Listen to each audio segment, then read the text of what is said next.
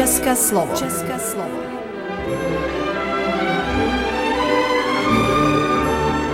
Vysílání pro českou menšinu v Srbsku.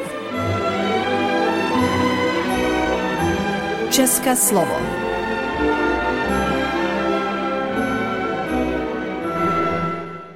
Vážení posluchači, hezký den. Vítáme vás při dalším poslouchání Českého slova na rádiu Nový Sad. Dnes si budete moci poslechnout povídání s paní učitelkou českého jazyka Ukrajinu v Brazílii s paní Markétou Pilátovou a uslyšíte první díl. V druhé části našeho vysílání uslyšíte pořad Hezky česky s Petrou Jiráskovou, ale teď začneme s písničkou od Vesny, která se jmenuje Koruna mojí sestry, která zazněla na soutěži Eurovize. Tomu ke všemu vám přejeme příjemný poslech.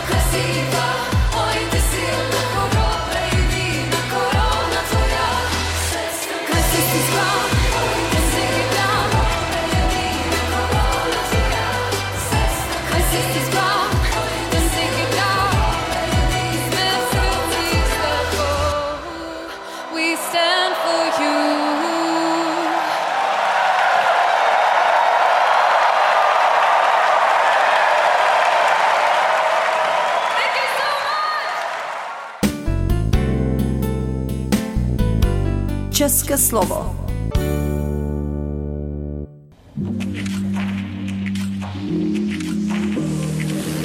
Zahranicí. Podcast Domu zahraniční spolupráce. Za studiem, za dobrodružstvím, za hranicí země, za hranicí komfortní zóny. Příběhy studentů, stážistů, učitelů a dobrovolníků. To je podcast Zahranicí. Jak se přihodilo, že se Češi usadili v Latinské Americe? Jak početná je současná krajanská komunita v Brazílii? A jaký odkaz zanechal v Brazílii Jan Antonín Baťa?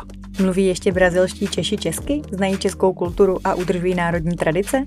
Jaké je mezi Brazilci povědomí o Česku? A proč byly brazilské školy připraveny na online výuku během pandemie lépe než ty české?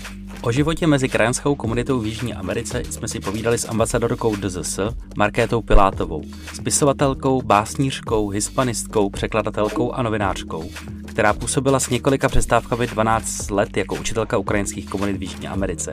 Dozvíte se, jaký několikaletý pobyt za oceánem inspiroval v její literární tvorbě, jaký jsou Brazilci a jaký celá jeho americká zkušenost ovlivnila.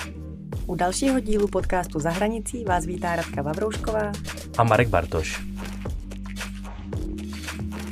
To ještě jednou vítáme našeho dnešního hosta, spisovatelku Markétu Pilátovou, která působila jako učitelka ukrajinské komunity v Brazílii. Dobrý den, Markéto. Dobrý den. A hned na úvod se vás zeptám, co vás vlastně motivovalo stát se učitelkou Ukrajanů a jak jste se o té možnosti vůbec dozvěděla? Já jsem pracovala na zahraniční rubrice týdeníku Respekt a my jsme si každý den otvírali stránky ministerstva zahraničí a tam byl takový inzerát, že hledají eh, učitele ke krajanským komunitám a všechny ty požadavky na mě eh, seděly, takže já jsem eh, si říkala, tak eh, učila jsem cizince česky dva roky ve Španělsku, umím portugalsky španělsky, znám Latinskou Ameriku, no tak to zkusím. A šla jsem na konkurs sem, tenkrát se to ještě jmenovalo Dům zahraničních služeb. A ten konkurs jsem udělala za 14 dní mi volala eh, paní Vlachová, že, že, že mě tady eh, pošlou do Brazílie, konkrétně do São Paula a do státu Mato Grosso do Sul ke komunitě Paťovců. A co jste se rozhodla pro takovou uh, změnu kariéry, v podstatě pokud jste působila uh, v Respektu a rozhodla jste se věnovat se uh, té učitelské dráze vlastně naplno? No já jsem učila 8 let na univerzitě v Olomouci a to učení mě vždycky bavilo. A taky pro mě to byla příležitost, jak eh, pokračovat vlastně v té novinářské kariéře, protože eh, česká média nemají žádné prostředky finanční na to, aby posílali zpravodaje do Latinské Ameriky. A já jsem počítala s tím, že eh, z té Latinské Ameriky budu psát a taky jsem chtěla napsat o těch českých krajinách v Latinské Americe nějakou knihu, tak to byly takové moje cíle, eh, se kterými jsem tam jela a samozřejmě eh, pro mě jako pro hispanistku eh, pobyt prostě v té Latinské Americe nebo v tom prostředí, které mm, nějakým způsobem zkoumám celý můj profesní život, ta možnost byla lákavá. Hmm. Jak dlouho jste plánovala tam zůstat a jak dlouho jste nakonec zůstala? Já jsem vůbec nic neplánovala. Mm, myslím, že tak jako nikdo moc úplně neměl s tím zkušenost. Já jsem byla úplně první učitelka, kterou vyslali do Latinské Ameriky. Takže myslím, že ta očekávání jako byla velmi nízká. I, i z mé strany, nevím teda jak ze strany uh, domu zahraniční spolupráce nebo tehdy zahraničních uh, služeb. Ale já jsem tam jela s tím, že to prostě bude dobrodružství. A, a bylo. Takže jsem uh, tam uh, plánovala zůstat. Samozřejmě měla jsem smlouvu na rok a tak ten rok jsem tam plánovala zůstat a pak jsem jako vůbec nevěděla, jestli, jestli v tom budu pokračovat nebo nebudu. No a nakonec s různými přestávkami, když se to tak sečte, tak jsem tam byla 12 let. to, to se vám tam asi líbilo. Líbilo. Řekněte nám více o té české komunitě v Brazílii, kde se tam vlastně Češi vzali a proč usídlili zrovna tam? No, Obecně do Latinské Ameriky se Češi začali stěhovat na konci 19. století a ty komunity krajanské tam hledali ekonomické příležitosti, řekněme, eh, zejména lidé z, jako z nějakých oblastí, kde mm, nemohli nějakým způsobem se vůbec uplatnit eh, třeba čeští Němci, kteří odcházeli z Liberecka, z těch vesnic, tak měli dvě možnosti, buď eh, pracovat ve sklárnách, anebo být eh, prvorozeným synem, který potom zdědil nějak ten statek, ale tenkrát se ta hospodářství nemohla dělit, protože by se na tom pak nikdo neuživil. Takže když jste byli druhorozený nebo třetí rozený syn, tak jste neměl žádnou šanci vlastně se uživit, nebo jste mohli jít pracovat do sklárny, kde doba eh, tehdy průměrného dožití byla 40 let. Takže potom jste dostal tuberkulózu a umřel jste. Takže tady ti lidé hledali nějaké možnosti a protože Brazílie zase naopak hledala, nejenom Brazílie, teda Argentina, obecně ty latinskoamerické země, hledali evropské mm, přistěhovalce nebo lidi, kteří by pozvedli jakoby eh, jejich hospodářství a nebo taky třeba bránili hranice eh, nebo osídlovali ta území, která byla neosídlená, protože když máte obrovské území, ale nemáte ho osídlené, tak neustále čelíte vlastně atakům jiných zemí. Eh, takže oni potřebovali osídlit ty pohraniční oblasti a zvali, preferovali teda evropské přistěhovalce, protože ta Evropa v latinskoamerických očích dodnes je prostě symbol takového civilizačního pokroku. No a e, nabízeli teda spoustu příležitostí a těch se teda ti přistěhovalci chytli a vystěhovala se tam velká spousta, opravdu velká spousta lidí, nejenom z Evropy, ale třeba taky z Japonska v té době. Takže ta komunita česká se formovala vlastně tady z těch přistěhovalců a potom samozřejmě následovaly nejrůznější eh, vlny eh, té emigrace, zejména jako před druhou světovou válkou, během druhé světové války a potom taky po válce v 48. a poslední ta vlna byla v 68. A jak velká je v současné době ta česká komunita v Latinské Americe? V Latinské Americe obecně uh, bych řekla, že jsou to desítky tisíc lidí, ale třeba v Brazílii ta komunita není tak velká, to, to bych tak odhadem řekla, že je to tak tři až pět tisíc lidí maximálně, ale třeba um, v Argentíně je, je ta komunita obrovská, jako to jsou desetitisíce lidí.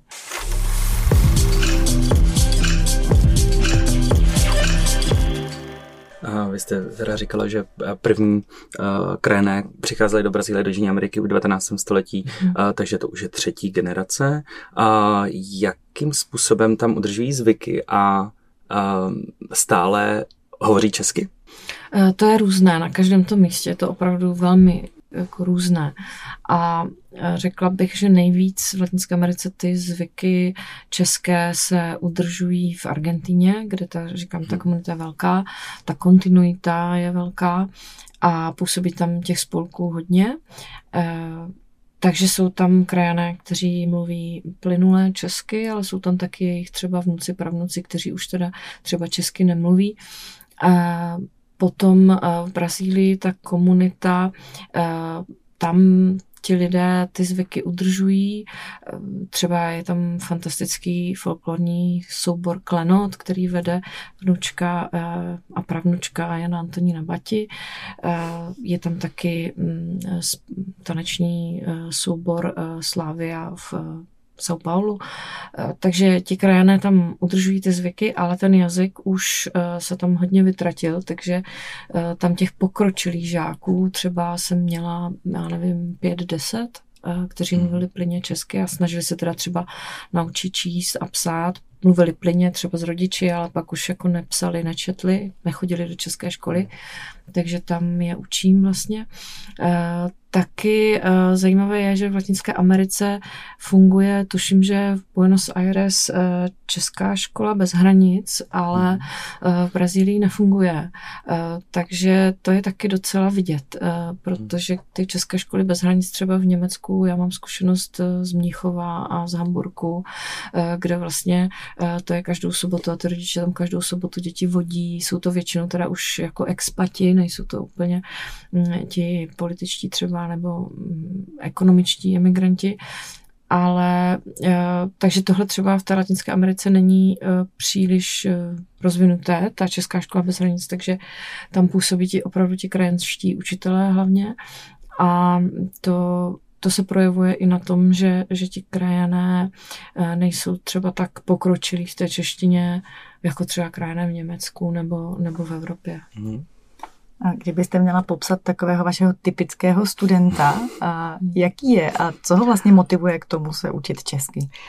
Tak eh, mého typického studenta asi popsat nedovedu, protože eh, jsou to, já jsem učila děti od čtyř let, eh, učila jsem třeba pravnuka Jindřicha hm, Trachty, který zakládal s Janem Antonínem Baťou městečko Batajpora.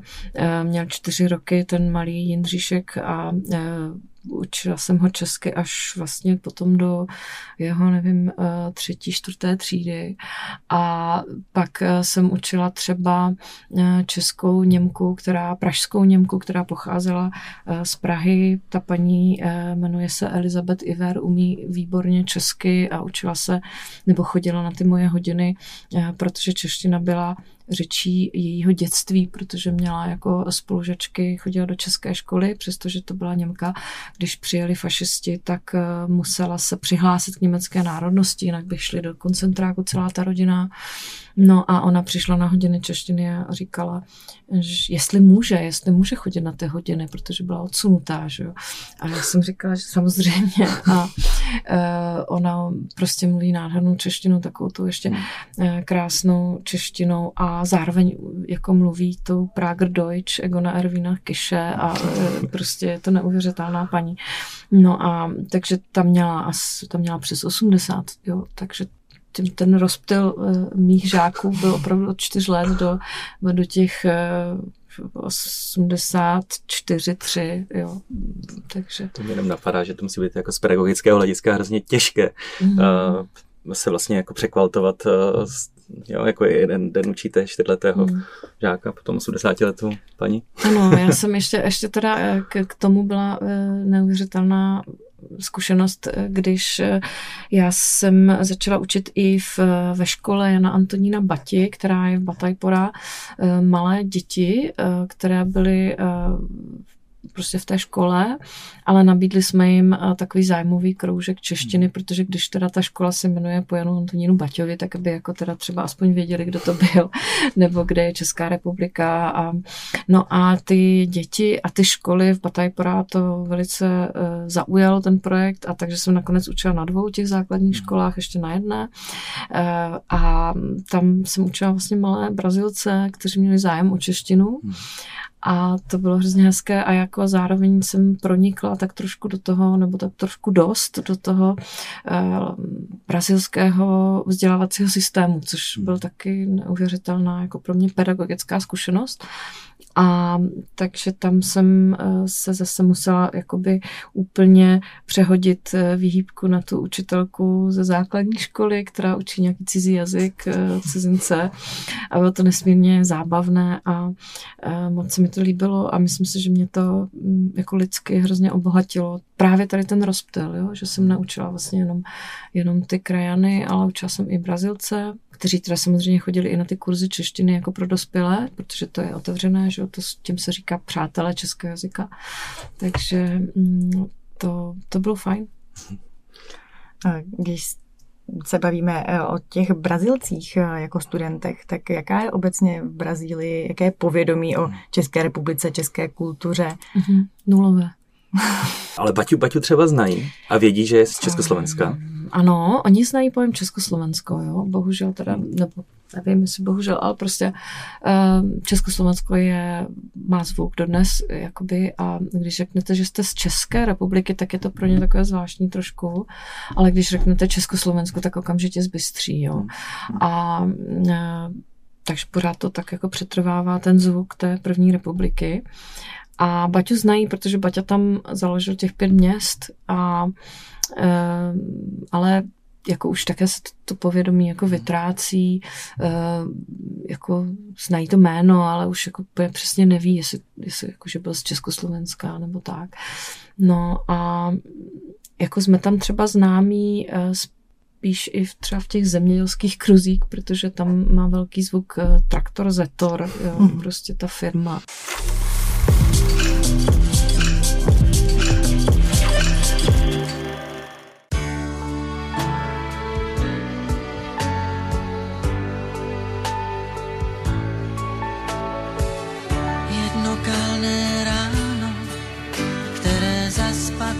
Jsem spíš ležel v schránce dopis, jenž tvou vůni měl.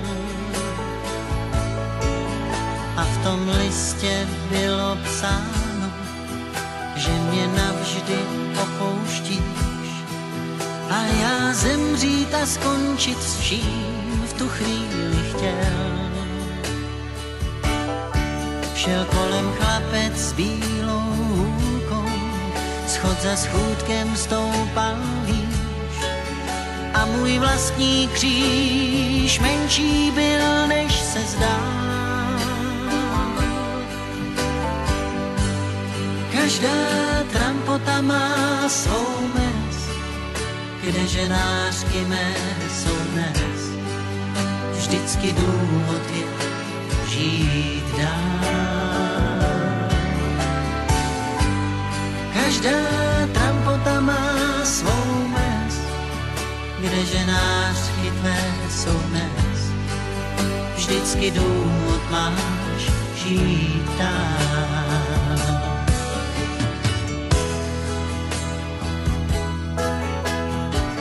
Dva, tři šťastné pátky a pak dlouhý nezájem. To byl čistý zisk mé cesty s ní. Nač film vracet zpátky, když v něm dnes už nehraje. Vždyť jsou na tom mnozí hůř, já vím. Už je to vlastně všechno dávno,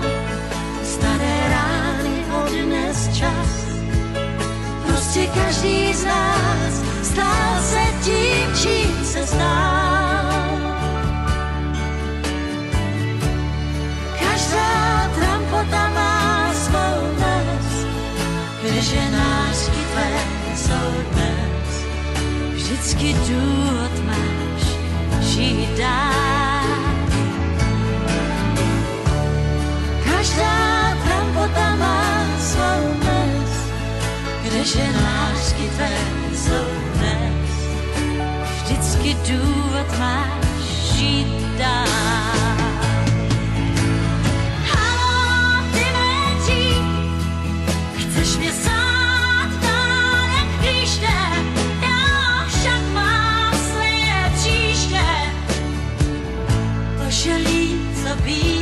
Thank you.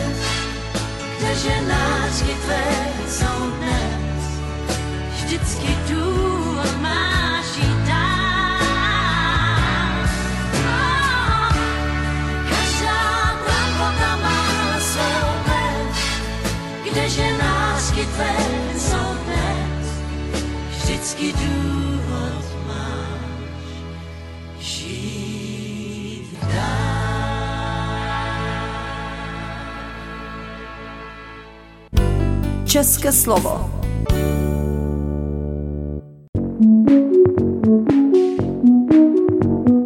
Ústav jazykové a odborné přípravy Univerzity Karlovy uvádí. Dobrý den, studentky a studenti. Já jsem Petra Jirásková a připravuju pro vás tenhle podcast. Dneska budeme mluvit o tom, jaké byly Vánoce, když jsem byla malá a jaké jsou dnes. Myslíte, že v tom je velký rozdíl? Zeptáme se mojí dcery, jak vypadají naše Vánoce dnes a porovnáme to s mým dětstvím. Emo, co tě napadne, když se řekne Vánoce? Sníh. Každé Vánoce čekáme, jestli napadne sníh, ale většinou se nedočkáme. To je pravda. Dřív byly Vánoce vždycky bílé. Sníh padal celou zimu. Každý den jsme chodili ven a vraceli jsme se mokří a zmrzlí. Pokud půjdou děti ven dneska, vrátí se mokré a špinavé, protože venku je bláto. A uklízení. O Vánocích musíme hodně uklízet. To není moc velká zábava, mami. No, no, vy si musíte uklidit hlavně svůj pokoj. Určitě to zvládnete. Jinak by Ježíšek viděl, že tam nemáte místo na nové dárky. Mami, pff, no dobře, dobře, my si uklidíme. A co stromeček? Měli jste ozdoby a světýlka, jako máme dneska? Ozdoby jsme měli, ale skleněné. Dneska se často prodávají plastové ozdoby. Děti je omylem nerozbijou, to je výhoda. Ale my jsme věděli, že jsou ozdoby křehké a že musíme dávat velký pozor. A co světýlka? Měli jste světýlka? Ne, ne. Na našem stromečku byly opravdové svíčky a prskavky.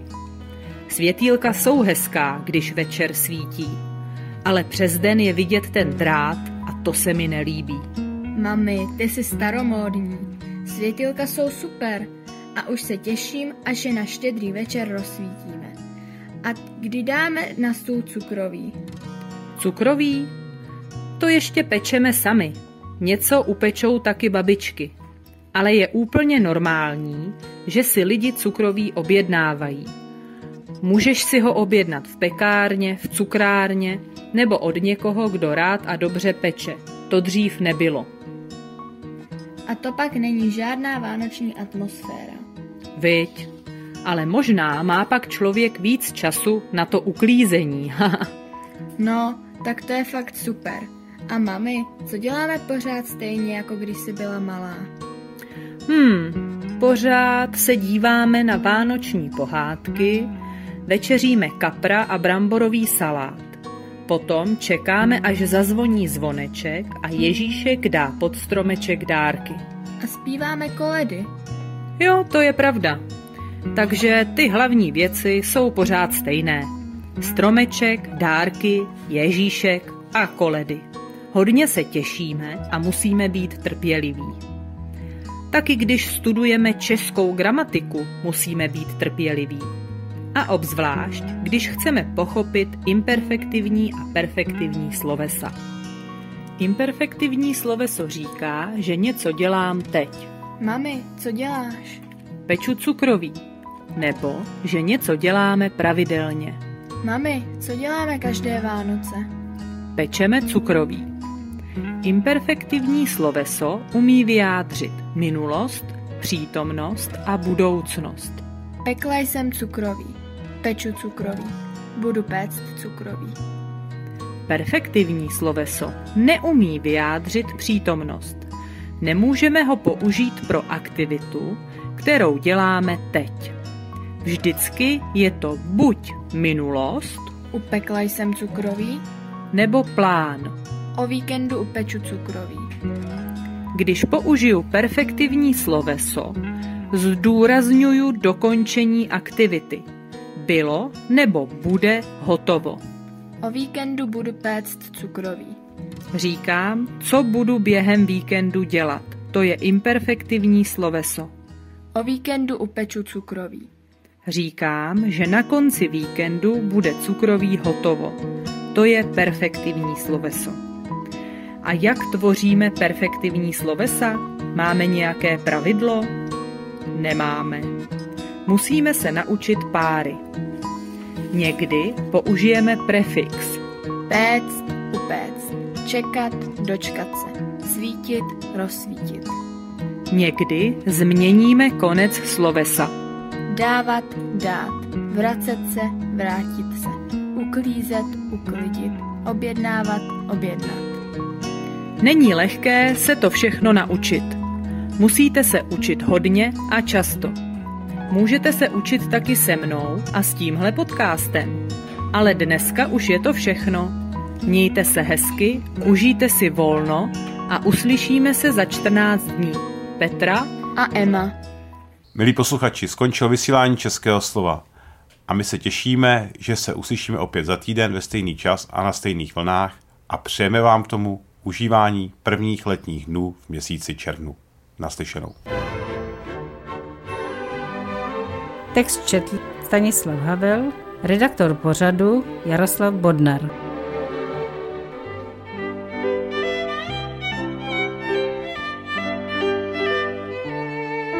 Poslouchali jste České slovo, vysílení pro českou menšinu v Srbsku.